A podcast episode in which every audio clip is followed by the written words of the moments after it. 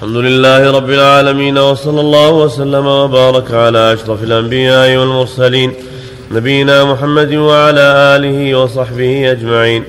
أما بعد قال المصنف رحمه الله تعالى وعن النواس بن سمعان قال قال رسول الله صلى الله عليه وسلم إذا أراد الله تعالى أن يحيي بالأمر تكلم بالوحي أخذت السماوات منه رجفة أو قال رعدة شديدة خوفا من الله عز وجل فإذا سمع ذلك أهل السماوات صعقوا وخروا لله سجدا فيكون أول من يرفع رأسه جبريل فيكلمه الله من وحيه بما أراد ثم يمر جبريل على الملائكة. كلما مر بسماء سأله ملائكتها ماذا قال ربنا يا جبريل؟ فيقول قال الحق وهو العلي الكبير. فيقولون كلهم مثل ما قال جبريل. فينتهي جبريل بالوحي إلى حيث أمره الله عز وجل.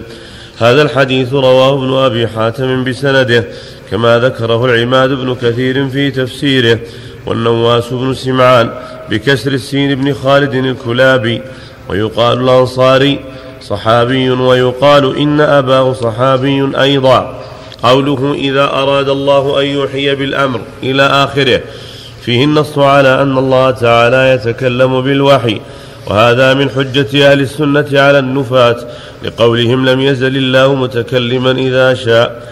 قوله أخذت السماوات منه رجفة السماوات مفعول مقدم والفاعل رجفة أي أصاب السماوات من كلامه تعالى رجفة أي ارتجفت وهو صريح في أنها تسمع كلامه تعالى.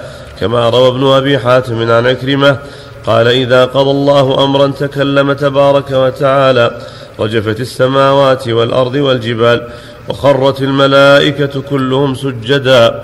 قوله أو قال رعدة شديدة شك من الراوي. هل قال النبي صلى الله عليه وسلم رجفة أو قال رعدة؟ والراو مفتوحة فيهما. قوله خوفا من الله عز وجل. وهذا ظاهر في أن السماوات تخاف الله. بما يجعل الله تعالى فيها من الإحساس ومعرفة من خلقها.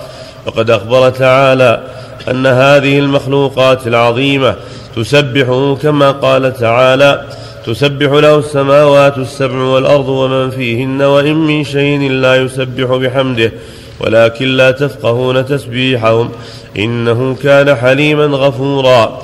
وقال تعالى تكاد السماوات يتفطرن منه وتنشق الأرض وتخر الجبال هدا. وقال تعالى وإن منها لما يهبط من خشية الله. وهذا يدل على أن الله جعل فيها إحساسا بهذا. فالملائكة تخشى إذا سمعت كلامه تصيبها الرعدة والخوف.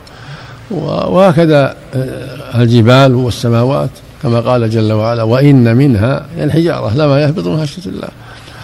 فالمقصود أن الله جل وعلا إذا تكلم أخذت السماوات برجفة. والملائكة يخافون كما تقدم في رواية البخاري عن أبي هريرة. هو سبحانه يسمع كلامه ويتكلم إذا شاء.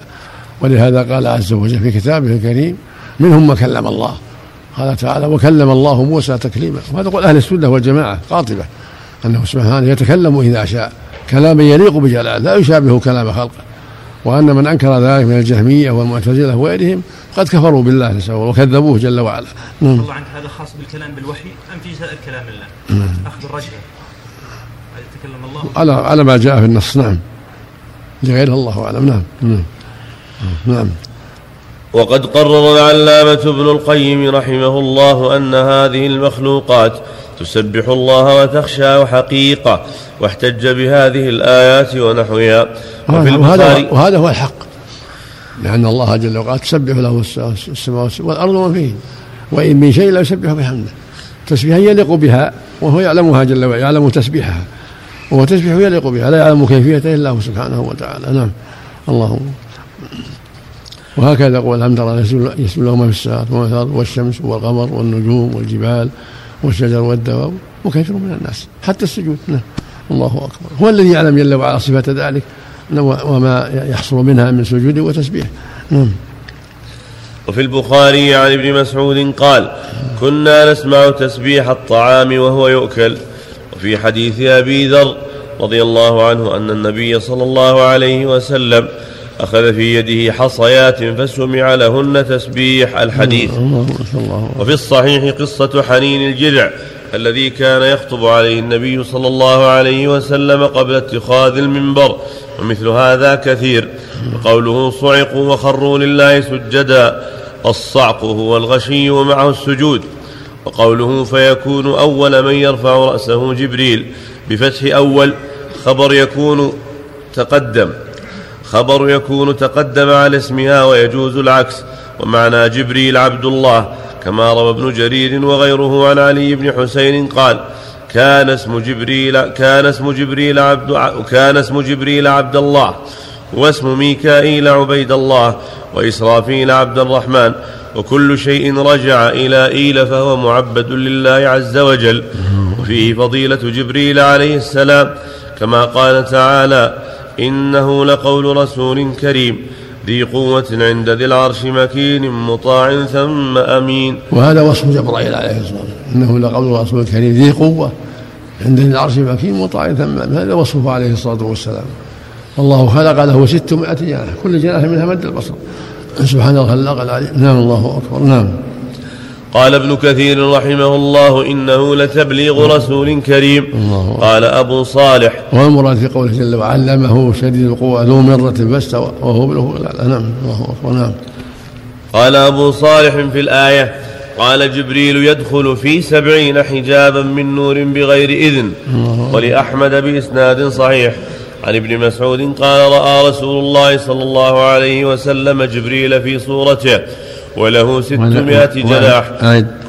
ولأحمد بإسناد صحيح. نعم. عن ابن مسعود رضي الله عنه قال رأى رسول الله صلى الله عليه وسلم جبريل في صورته وله ستمائة جناح. كل جناح قد سد الأفق يسقط من جناحه من التهاويل. والدر والياقوت ما الله به عليم. فإذا كان هذا عظم هذه المخلوقات فخالقها أعظم وأجل وأكبر. فكيف يسوى به غيره في العبادة؟ دعاء وخوفا ورجاء وتوكلا وغير ذلك من العبادات التي لا يستحقها غيره. فانظر إلى حال الملائكة وشدة خوفهم من الله تعالى.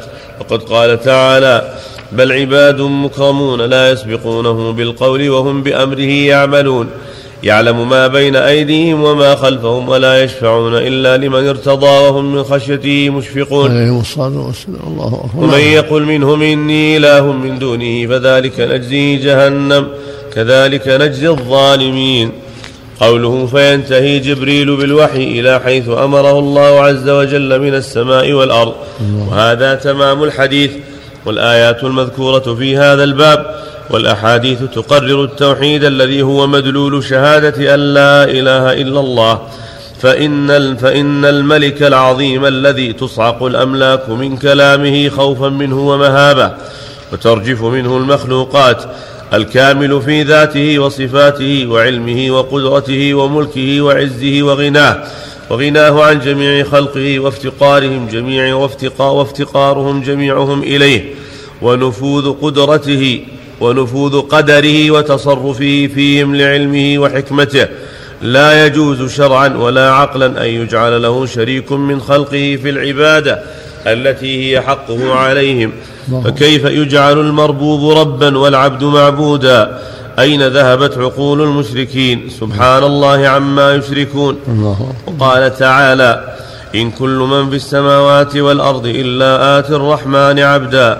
لقد أحصاهم وعدهم عدا وكلهم آتيه يوم القيامة فردا.